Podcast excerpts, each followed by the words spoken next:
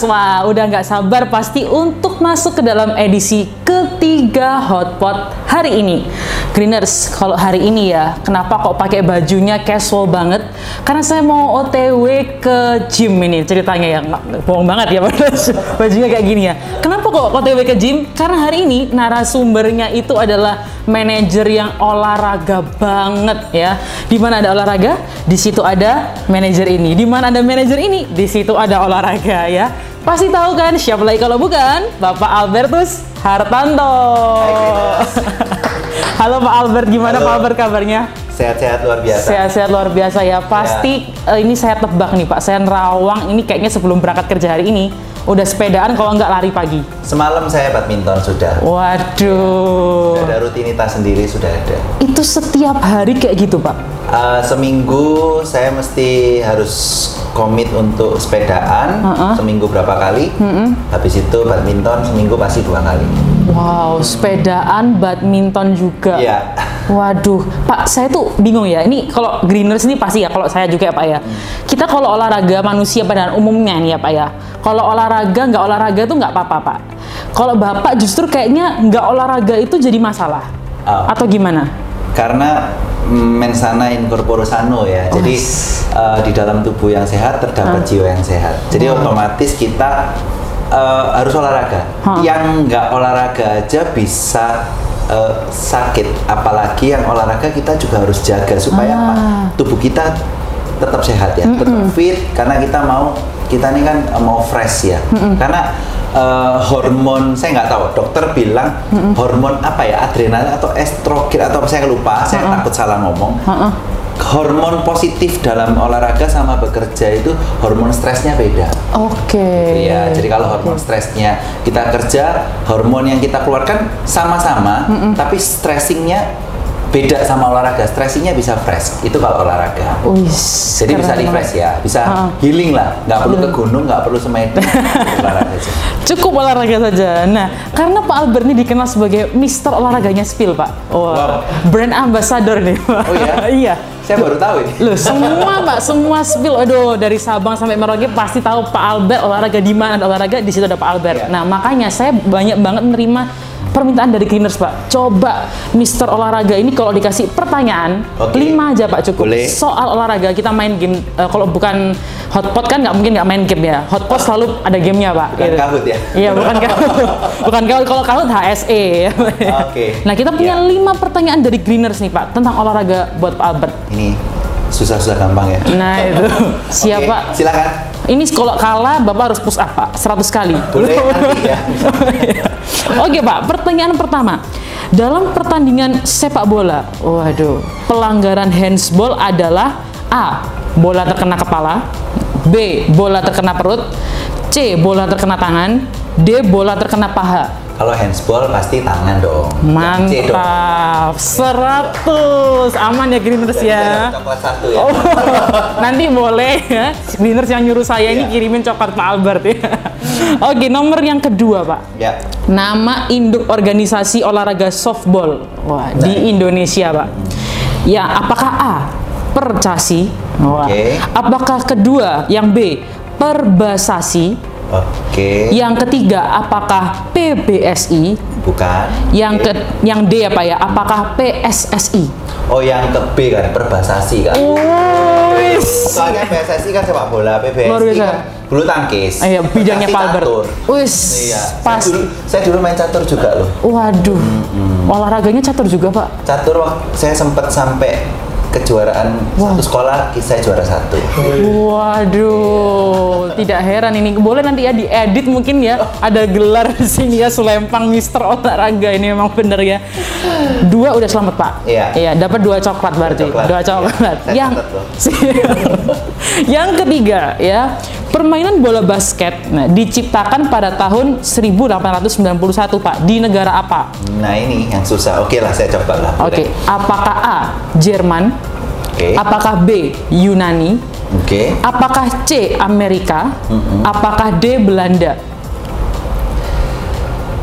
Jeng, jeng, jeng, jeng, jeng, jeng, jeng, jeng. Saya suka bola basket. Nah, itu. Saya juga pemain basket juga. Mantap. Cuma nggak pernah belajar. Dari mana usulnya?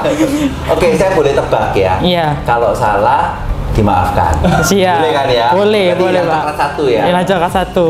Amerika ada NBA. Hmm. Saya pilih Yunani ya.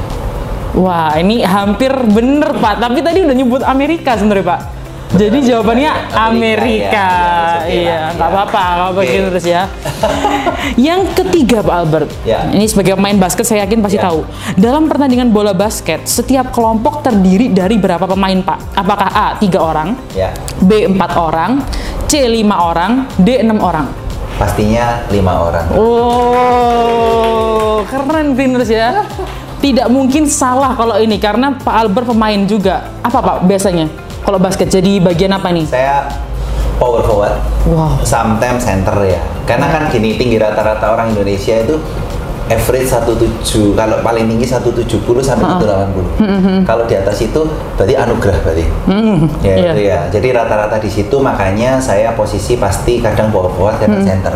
Wow. Seperti itu. Mantap, tadi nggak mungkin salah ini tadi makanya. Jawabannya fix 5. Terakhir Pak Albert, jumlah pemain setiap regu dalam permainan sepak bola. Nah, Oke. apakah A 9 orang? Apakah B 10 orang? Apakah C 11 orang dan apakah D 12 orang? C 11 orang. Woi, luar biasa. Dari lima cuma ya satu lagi Ya, satu ya. itu karena saya baru ingat Yunani itu kalau nggak salah nyiptain Olimpiade pertama ya. Oh, iya. Saya Olimpiadenya. soalnya nggak mau Amerika karena NBA kan terlalu populer. ya. Populer. Ah. Harusnya ganti negara lain ya. Siap.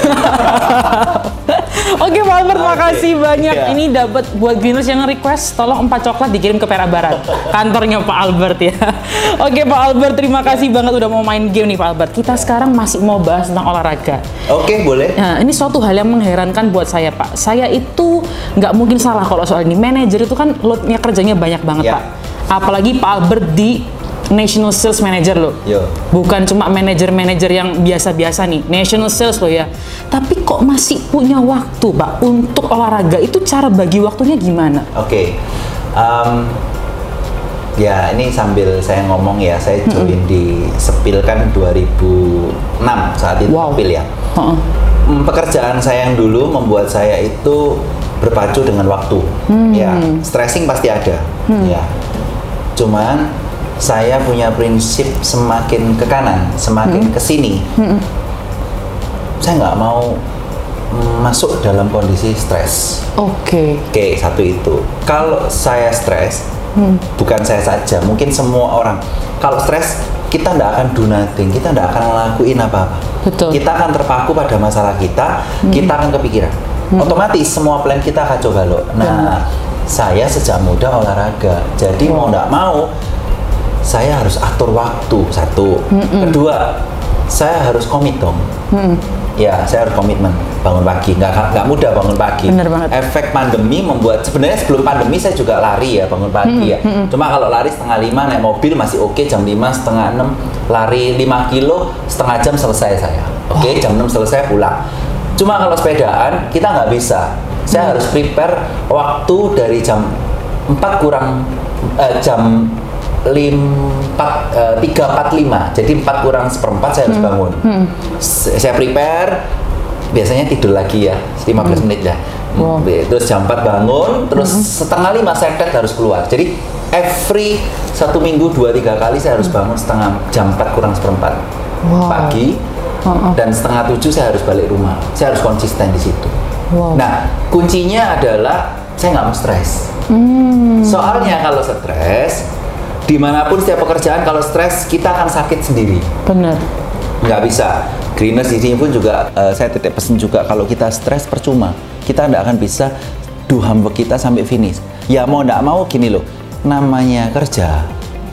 Ya wis itu tanggung jawab. Itu sudah menjadi tanggung jawab kita. Kita nggak akan bisa lari dari situ. Mau nggak mau kamu harus selesaikan. Itu namanya pekerjaan. Jangan stres karena pekerjaan. Kalau kita stres sama pekerjaan hanya dua. Satu, kita nggak suka sama pekerjaan itu. Atau dua, kita nggak tepat pada posisi itu. Itu aja. Jadi saya nggak stres karena saya punya passion di sales. Ya itu pekerjaan saya. Besok pasti ada target lagi. Besok saya dituntut capek target. Ya itu tugas saya. Makanya saya nggak boleh stres. Dulu saya stres. Makanya olahraga saya masih on off on off. Rajin tetap tapi saya agak ini ya agak maksudnya di lapangan itu terbawa ya ketika saya nggak stres, saya bisa fresh, saya bisa atur waktu, komitmen, bangun pagi. Bulu tangkis juga gitu, saya sampai jam 11. Kalau saya ada pekerjaan yang tertunda, saya tipikal orang yang harus menyelesaikan tuh tuntas. Makanya ini saya ngomong, saya akhirnya buka-bukaan di sini. Siap. Saya tidak pernah nggak baca email di hari itu. Saya tidak akan pernah menunda untuk check-in satu persatu email itu. Walaupun saya harus sampai malam, saya harus check-in email itu. Dan saya pulang, saya tetap akan cross check apakah ada yang tertunda atau tidak. Itu. Jadi itu ya kuncinya. Siap. Harus komitmen, konsisten, nggak boleh stres. Ya, ternyata alasannya justru karena nggak pingin stres ya Pak? Nggak mau stres saya. Wow. Nggak mau stres. Itu Tapi ini sih. bukan hoax loh Greeners ya, bener. Saya pengalaman sendiri sama Pak Albert pasti banyak eh, bersinggungan juga dengan tim sales ya, timnya Pak Albert. Nggak pernah tuh Greeners eh, saya lihat Pak Albert itu apa ya istilahnya kalau email langsung dibales kayak gitu. Cepet banget, bahkan sampai malam ada email masuk dari Pak Albert gitu ya. Saya bingung ini gimana makanya ngatur waktunya. Ternyata memang itu kuncinya ya, Pak Albert. Saya nggak ya. mau stres. Wah, luar Karena itu tanggung jawab ya. Itu. Wah luar biasa. Tapi gini Pak Albert, dari semua nih eh, olahraga yang Pak Albert tekuni ya, saya penasaran nih apa aja yang udah Pak Albert eh, lakukan? Lakukan Yes. olahraganya. Bener. Banyak. Apa aja nih? Eh, hiking pernah. Wow. Hiking jarang ya, karena kan memang bukan hobi. Badminton sejak umur 4 tahun saya pegang sudah pegang raket. Sejak 4 tahun. Ya, karena orang tua saya juga papa saya pelatnas, pemain nasional. Jadi mau nggak mau saya dituntut untuk menjadi pemain. Terus basket sejak SMP. Terus akhirnya saya ikut eh, kelas ya istilahnya grup amatir gitu ya. Jadi klub amatir gitu ya. Terus lari saya lari tinggal adapted aja karena saya olahragawan. Jadi orang nggak susah untuk adapted lari. Terus habis itu terakhir eh, sebelumnya renang. Saya ikut Wah, klub renang juga. juga. Saya ikut klub renang juga waktu SD. Jadi SD itu renang, badminton. Setelah itu SMP basket, badminton. Setelah itu saat sekarang saya sudah bekerja, menikah, saya juga lakukan basket, badminton, lari, sepeda. Tapi basket saya sudah berhenti. Oh. Karena basket itu resikonya cukup Tinggi tinggi. ya, Saya sempat body contact beberapa kali jaga pemain yang cukup uh, strong ya, power. Ya, sempat mimisan juga gitu ya, sempat body contact itu beberapa kali. Nah, teman saya ini kan juga pemain juga. Jadi itu ya, jadi olahraganya apa? Renang, basket, badminton, uh, hiking, uh, apalagi tadi sepeda, Sepeda. ya, terus lari. Lari. Catur juga loh ya. Saya SD juara kelurahan. Nah, lumayan ya Biasa, luar biasa. itu ya jadi itu ya olahraga saya tujuh ya Wow. Nah, Tapi di antara semua itu mana yang akhirnya Pak Albert, wah ini saya Prioritas ya? Ah, prioritas. Badminton. Badminton ya. sampai sekarang jadi ya bersyukur ya jadi sama kalau kita kerja kita punya komunitas orang yang sukses kita akan jadi sukses Yes. ya sekarang ini saya juga ikut klub jadi saya belajar untuk improve eh, skill saya ya lama ya. Dulu saya ikut klub udah lama. Ya ini kan ada beberapa turnamen juga saya ikutin juga ya. Gitu ya. Jadi saya bersyukur saya ikut klub. Jadi teman-teman di klub itu mendukung. Jadi saya belajar banyak hal. Ya saya sering nonton YouTube. Jadi itu perlu ya. Itu perlu. Jadi sekolah itu nggak ada matinya. Betul. jadi badminton pun meskipun kita pernah eh, melakukan aktivitas itu wa- sudah lama, tapi kan dunia itu kan berubah ya. Betul. Segalanya berubah, jadi transformasi. Sekarang ada Raja Tarkam, jadi ikutin ya YouTube-nya bagus sekali skill-skillnya. Itu yang saya lakukan. Kedua, sepeda. Kenapa saya tetap sepedaan? Karena satu sudah beli sepeda. mau nggak mau ya sudah beli sepeda sudah invest masa dibiarin mangkrak ya harus cuma di sepedaan itu saya berlatih untuk bangun paginya berlatih power berlatih cadence jadi supaya saya tetap terjaga untuk fisik ya. Karena saya nggak mau terlalu jauh-jauh. Dulu sepedaan juga jauh-jauh 200 kilo Iya loh. 150 kilo. Saya jauh-jauh ya sampai ini gosong semua ini. Nah itu karena dulu seweneng banget. Karena saya kepingin menaklukkan gunung kan. Ya itu kan banyak gunung yang ditaklukkan. Oke, Eh, cuma sekarang kan karena saya badminton, jadi feel-nya juga harus dijaga. Karena kan backhand forehandnya juga harus dijaga. Jadi sepeda itu kan kaku ya. Jadi saya berusaha menjaga tidak lebih dari 100 kilo. Itu pun harus dikurangi seperti itu. Oke. Jadi dua ya, bulu tangkis, Tangkis dan sepedaan. sepeda. Kalau runner ra- lari, saya terakhir maraton eh, saya dikurangin karena kaki ya. Saya takut Oke. kaki. Kita kan minum protein atau makan protein kita nggak tahu yang kita makan itu bagaimana dengan gizi.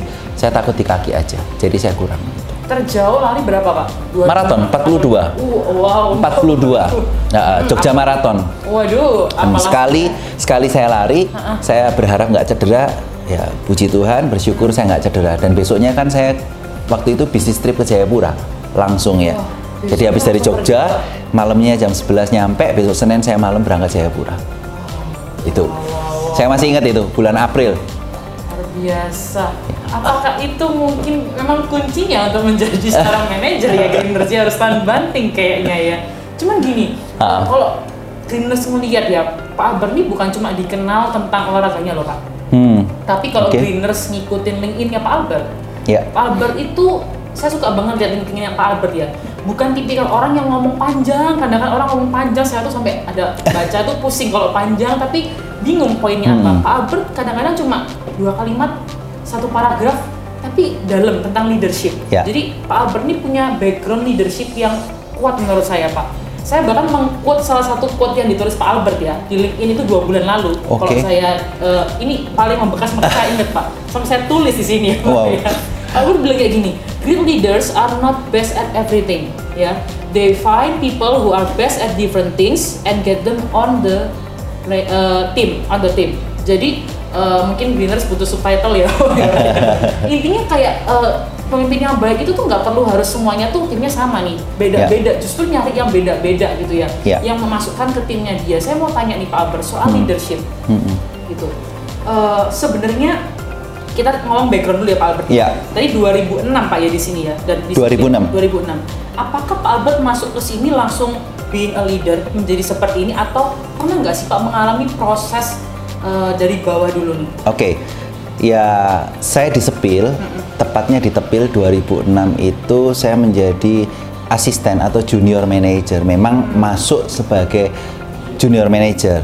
Kenapa? Karena memang background saya sebelumnya, saya meniti karir sampai di dunia properti, terakhir itu sebagai marketing manager.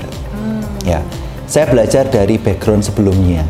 Karena leader saya di sebelumnya ini yang menempa saya untuk eh, apa ya menjadi seorang leader dengan resiko. Oh, Jadi yang saya masih ingat di properti, saya cuplik satu pro- properti. Saya duduk di tempat saya sekarang ini. Eh, direktur saya di depan saya, dia bilang bahwa kamu saat ini adalah 95% orang berhadapan dengan saya. Tapi seminggu lagi kamu akan berada di sebelah kiri dan kamu akan menjadi 5% orang. Saya nggak ngerti maksudnya saat itu. Saya di challenge jual 10 rumah di Jember. Waktu itu melewati rel sepur kereta api itu nggak nggak mudah karena feng shui ya orang nggak akan suka. Saya berhasil jual ruko 7 unit dalam waktu satu minggu.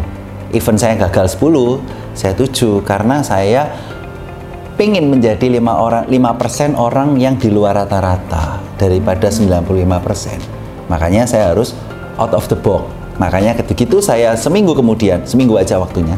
Seminggu kemudian saya dengan tim saya berhasil saya datengin ya canvassing apa eh, ngomong segala macam ya selling skill. Saya pindah sebelah kiri dia bilang kamu sekarang menjadi 5% orang. Dari 95% orang.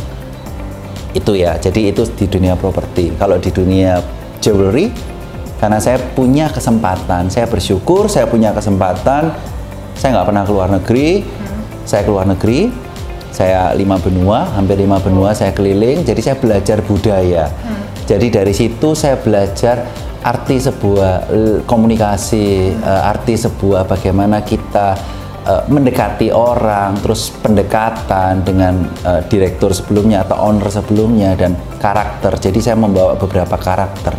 Jadi saya dirubah, nggak boleh teriak-teriak sebagai leader. Jadi itu saya belajar. Sampailah saya di tepil atau sepil. Itu 2006 sebagai junior manager. Manager. Itu saya meniti karir di situ. wow.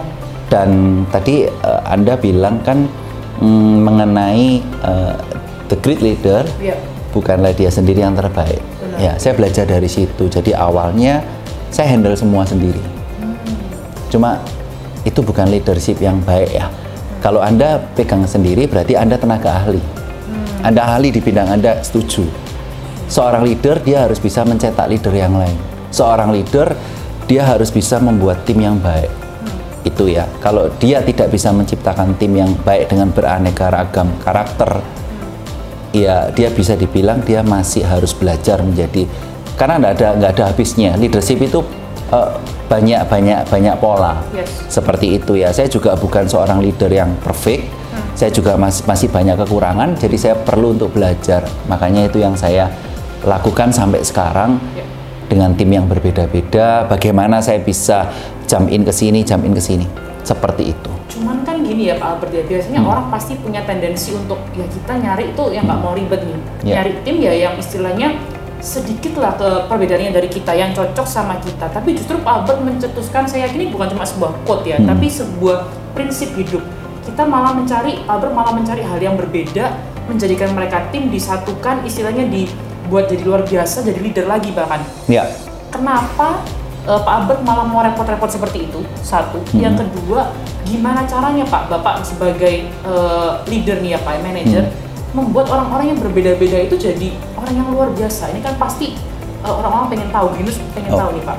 Eh, saya tidak mudah memutuskan hal tersebut karena bagi saya adalah persaingan dalam sebuah pekerjaan itu pasti akan terjadi. yes Ya, like and dislike itu pasti akan terjadi.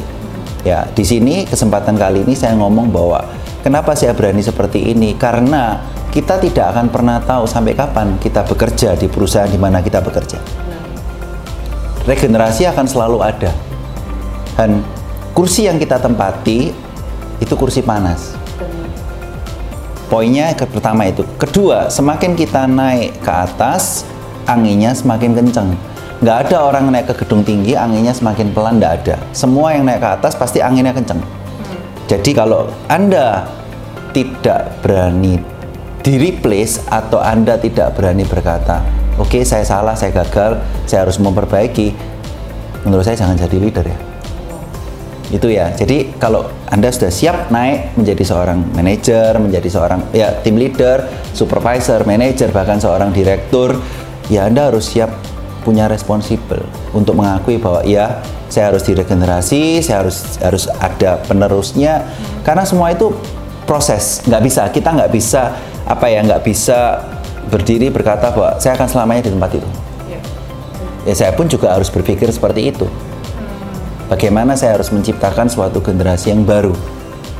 Seperti itu ya. Luar biasa banget ya ya ini baru berapa menit aja udah daging semua ini ya Pak Albert ya di sini Iya. Cuman gini Pak Albert, kok saya lihat nih ya, Albert nih kerja bidangnya beda-beda nih, ya kan? Hmm. Ada dari tepil tadi dari eh, properti ya, Pak Iya. ya, dari perhiasan. Hmm. Tapi core-nya tetap marketing. Sales. Nah, memang Iya. passion banget di bidang ini, Pak. Ya, And sejak SMA saya saya baru mengetahui bahwa saya punya eh, DNI D- DNA seorang jualan. Oh, oke. Saya nggak mau Dari mana, Pak? eh, karena saya pernah coba jualan baby doll. Oh, wow, ternyata di balik kesuksesan Pak Albert ada baby doll. Ah. Jadi jadi ceritanya lucu. Jadi saya saya ini dulu waktu SMA saya sudah menjadi seorang guru les ya. wow. Ya, jadi saya kerja, eh, kuliah pun saya biaya sendiri. Jadi saya coba jualan baby doll waktu jadi guru les. Dan saya bisa jualan itu banyak. Waktu itu baby doll. Kedua waktu itu booming masa lalu sleeve ya. Ah, zamannya loose sleeve dulu ya, banyak tuker-tukeran ya. Eh, kamu punya warna baru.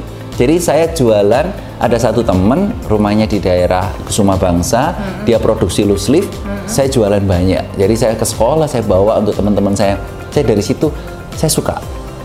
Terus saya ikut multi level marketing, satu kelas itu saya jadikan presentasi, semua satu sekolah, murid-muridnya tak tak presentasi semua.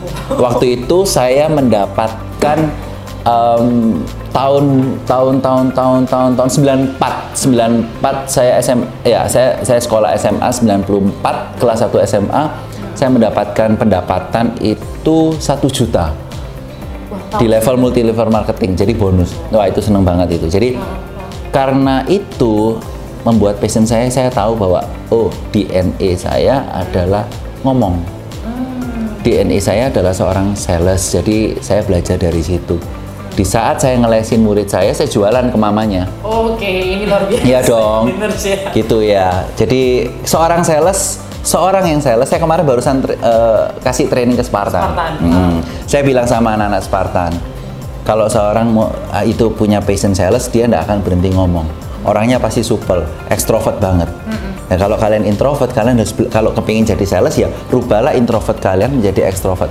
Yap. Itu sih. Jadi itu ya. Dan kayaknya bukan cuma jago ngomong aja pak, tapi pintar cari peluang. Bener ya pak ya? Ya harus harus seperti itu. Kalau enggak kita kehabisan ide. Itu ya. Nah tapi saya penasaran pak, ini kan passionnya sales. Pendidikannya apakah match dengan itu? Pasti greeners di rumah di mana-mana juga ini angkat tangan penasaran apa kira-kira dulu pak kuliahnya? Oke, saya kuliah di jurusan ekonomi, eh, mane- ekonomi manajemen akuntansi ya, ekonomi akuntansi di Widya Mandala.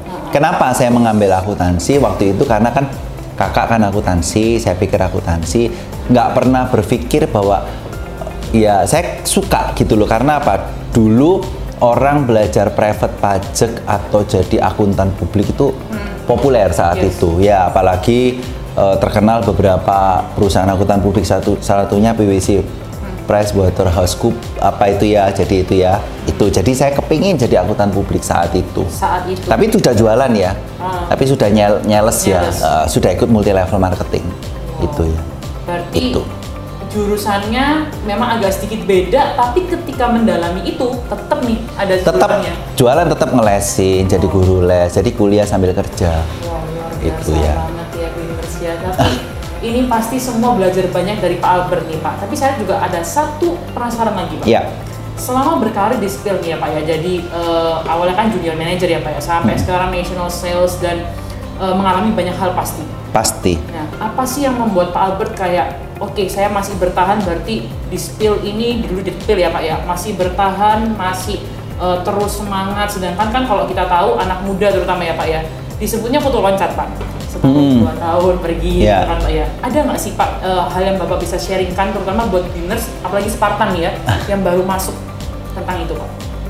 Em, kalau dibilang bahwa Pak Albert nggak pernah kepikiran untuk jenuh ya semua orang pasti akan jenuh dalam pekerjaannya saya pernah mengalami kejenuhan itu kejenuhan dari seorang sales kejari target terus ya tiap hari pikirannya target target cari order cari order Oh, kalau oh ini ya saya belum cerita juga Jadi saya penasaran juga tuh.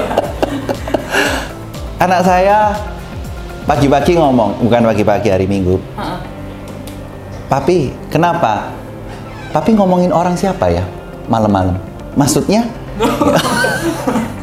Jadi saya sampai terbawa mimpi. Oh Jadi kalau sudah kadung saya karena dulu kalau ya saya nggak mau tunjukin stres. Saya pernah mengalami hal seperti itu sampai karena sebuah tekanan. Ya pasti ya fase di mana itu tadi kita naik ke gedung tinggi anginnya kenceng, jadi dapat tekanan gitu saya pernah stres, saya sempat jenuh, sampai saya harus ya mimpi terbawa mimpi. Jadi halusinasi, ya bukan halu ya, ngomong ya, ngelindur lah istilahnya. Jadi saya ngomong, jadi saya seolah-olah itu ngomongin anak buah saya atau seolah-olah saya berbicara dengan diri saya sendiri. Jadi anak saya sampai ngomong ke papi ngomong sama siapa, ngomongin ngapain, di kerjaan ada apa. Saya sudah lupa namanya mimpi ya, tapi tapi saya tahu di saat itu ya, oh saya juga ngomong saat tidur seperti itu. Tadi kembali lagi mengenai proses apa tadi itu Untuk ya bertahan. bertahan ya. Ya karena kembali lagi bahwa saya bekerja ini untuk saya. Ya pasti untuk perusahaan pasti ya. Cuma kalau kalian bekerja hanya untuk perusahaan dan bukan untuk personal improvement kita, kita selamanya tidak akan bisa mengalami sebuah kepuasan dalam bekerja. Nah, kalau passion passion kita salah, ya kita akan cepet boring ya. Yep. Saya pernah di satu perusahaan saya boring sekali karena itu bukan passion saya. Walaupun keliling-keliling, tapi bukan passion saya. Saya nggak sebutin perusahaannya, nggak enak di sini ya. Jadi saya sempat bertahan 11 bulan. Jadi kalau passionnya sales, ya karena itu sebuah tanggung jawab yang saya harus pegang dan saya suka. Makanya membuat itu saya bertahan. Dan kedua, lagi-lagi lingkungan. Tidak pernah ada eh, lingkungan yang membuat kita itu bilang bahwa di sini lebih enak daripada di sana. No, nggak ada. Saya sudah kerja di lima perusahaan, jadi saya tahu. Oh iya, semuanya sama. Semuanya sama. Kita akan pasti mengalami fase, sorry ya, fase di pelonco. Istilah di pelonco itu adalah satu teman saya barusan pindah. Kemarin telepon saya seminggu yang lalu. Kok tolong cari no kerjaan. Dia baru di PHK. Oke. Sekarang banyak PHK ya. Dia PHK dari perusahaan multinasional loh ya. Wow. Multinasional perusahaan Thailand yang investasi di Indonesia. Dia di PHK, dia seorang leader. Dia dipindah satu perusahaan. Menjadi leader juga. Dia dibully, bukan dibully, dipelonco sama senior-seniornya yang di bawah dia. Saya bilang bahwa ya itu yang harus kamu alami. Kalau kamu nggak nggak pernah merasain peloncoan, kamu nggak akan pernah bisa keluar dari zona nyaman kamu. Ya itu harus kamu kamu hadapi. Saya baru belajar itu, ya saya bekerja di tepil, sepil ini saya mengalami hal itu. Wajar ada orang iri. Kalau nggak ada orang iri sama kita, berarti nggak ada orang yang secara tidak langsung mengakui bahwa kita ini kita ini juga dia sebagai kompetisinya mereka. Iya kan? ya, ya. Jadi saya titip pesan pada semua greeners, kalau ada yang iri sama kalian, ya orang itu berarti eh, merasa terkompetisi sama kita. Jadi ya nggak apa-apa, kamu justru harus bersyukur ya mereka iri. Kalau nggak ada yang iri, tanda tanya ya. Itu ya. Jadi itu membuat saya eh, betah, membuat saya konsisten. Saya berpikir sebuah tanggung jawab ya. Dan saya belum selesai. Ya kalau saya sudah selesai ya saya sudah mungkin nggak di sini ya. gitu ya. Tapi kayaknya nggak rela Pak owner ataupun orang-orang kalau Albert pindah dari spill nggak bisa gitu ya. Karena udah luar biasa banget di sini. Cuman gini Pak, mungkin kita masuk ke dalam pesan-pesan juga ya Pak ya. Ya. Pastikan uh, Greeners dan pertama-tama juga mungkin timnya Pak Albert nih. Ya. Sales itu kan wah gede banget CMD itu ya Pak ya, luar biasa besarnya dan garis depan juga. Mungkin dengan uh, itu pasti mereka juga butuh pesan dari Pak Albert as a leader. Ya. Ada nggak sih Pak apa yang mau disampaikan ke teman-teman tim sales untuk hari ini yang mendengarkan Oke, saya ada satu quote, ada dua sih ya. Ini yang kemarin sempat saya pasang di status saya tentang kedewasaan. Saya bacakan aja. Majority is learning to walk away from people and situation that threaten your peace of mind, self-respect, values, moral, and self-worth. Jadi pesan saya buat semua sales sebuah kedewasaan itu kita harus ya apa ya orang dewasa itu belajar ya ya nggak pernah ada habisnya jadi saya berusahalah untuk menjadi yang dewasa. Jangan jadi apa itu apa ya bahasa kerennya cemen bahasa ya apa ya maksudnya nggak dewasa atau bersih childish. Jadi kalau kamu bekerja teman-teman sales ya kita harus berpikir dewasa bagaimana kita capai target karena kita sudah sama-sama dewasa. Jadi kita sudah tahu kita kerja ini untuk siapa. Kita tahu kita cari gaji kita cari uang kita cari gaji bener. Tapi paling tidak kita memberikan kontribusi juga buat perusahaan. Jadi pesan saya di situ berikan kontribusi yang terbaik. Kalau kamu mau sorry saya harus ngomong di sini walaupun tidak dalam dalam nominal ijo ya ijo itu masih dolarnya atau rupiahnya. Kalau kamu mau digaji kamu fight dengan gaji kamu ya kamu harus tunjukkan kamu apakah kamu sudah all out dengan gaji kamu. Jadi jangan bilang bahwa kamu terbaik tapi kamu tidak doing not, tidak melakukan apa pun dengan dengan dengan ya apakah itu sebanding ya? Seperti itu ya. Benar. nggak cukup bilang nggak cukup. Nggak pernah ada manusia yang cukup. Itu aja dari saya. Banget ini saya jadi ketemplak pak. Karena ada pernah uh, ada yang quote gini juga kita sih mirip kayak Pak Albert bilang kita digaji misal misalnya ya, Ya. Pak, oh 5 juta apakah kontribusi kita ke perusahaan itu udah ses- sesuai dengan gaji kita? Gitu ya. Ya. walaupun kita juga butuh uang luar biasa pak. Tapi saya yakin ini greeners di rumah nggak? Ini pak nggak rela. Pak Albert jangan dong cuma sama sales. Buat kami apa nih pesannya? Pasti juga kayak gitu pak. Jadi ada nggak pak pesan buat greeners yang lain nih yang di Hmm. luar sales ya pak ya? Yang ngefans banget sama Pak Albert tuh. Yang tadi minta saya DM DM tanya-tanya ke Pak Albert ya. Nah aku kalian kan ya. Mereka juga pengen denger pesan-pesan dari Pak Albert. Ada nggak pak buat mereka nih pak? Ya komitmen konsisten itu nggak bisa lari ya dalam dunia pekerjaan atau dalam hidup kita ya cowok. Ya dipegang omongannya. Jadi sales itu yang dipegang juga ngomongnya. Jadi lakukan apa yang kamu sudah eh, komit. Karena begitu kamu komit kamu tidak akan pernah keluar dari jalur yang sudah kamu tetapkan. Kadang orang itu eh, apa itu namanya anget-anget mohon maaf anget-anget tai kucing misalkan gitu ya Betul. sorry ya saya ngomong seperti ini jadi baru sebulan dua bulan berkobar-kobar, tapi sisanya sudah melempem semua. Saya belajar tetemplak dari situ. Saya ada komunitas badminton, ada seorang pengusaha. Saya sempat ngomong, "Sik ya, aku mari kerja lembur." Oh iya, pulang tak? Iya. Ya iyalah, tugasmu. Digaji segitu, kamu sudah posisi itu, masa mau nyantai? Ya benar juga sih. Ya kita harus tanggung jawab di situ. Ya itu karena tanggung jawab yang kita pegang. Kalau kamu nggak nggak nggak nggak merasa bertanggung jawab dengan posisi itu, ya nggak usah ada di posisi itu. Jadi belajarlah untuk komit, konsis dan punyailah visi sama goal. Kamu mau ngapain gitu loh? Kamu hidup ini cuma bangun pagi, makan, pulang tidur gitu tok. No, jangan seperti itu. Jadi punyalah visi dan goal dalam hidup kamu.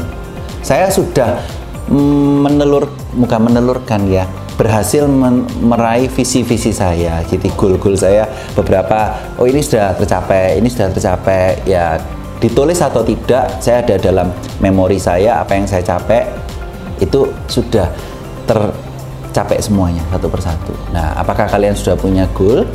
Apa kalian sudah punya visi dalam hidup Anda?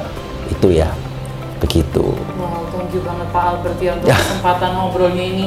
Luar biasa banget. Sebenarnya saya masih pengen lanjut lagi nih Pak Albert dan Green Party juga, tapi mungkin karena keterbatasan Ya. waktu ya Pak Albert. ya. Hmm. Tapi hari ini kita belajar bareng-bareng bahwa yang namanya pekerjaan komit itu penting banget yang namanya komitmen ya Pak Albert ya. Ya. Dan selalu mengerjakan segala hal itu kalau saya lihat dari Pak Albert full heart.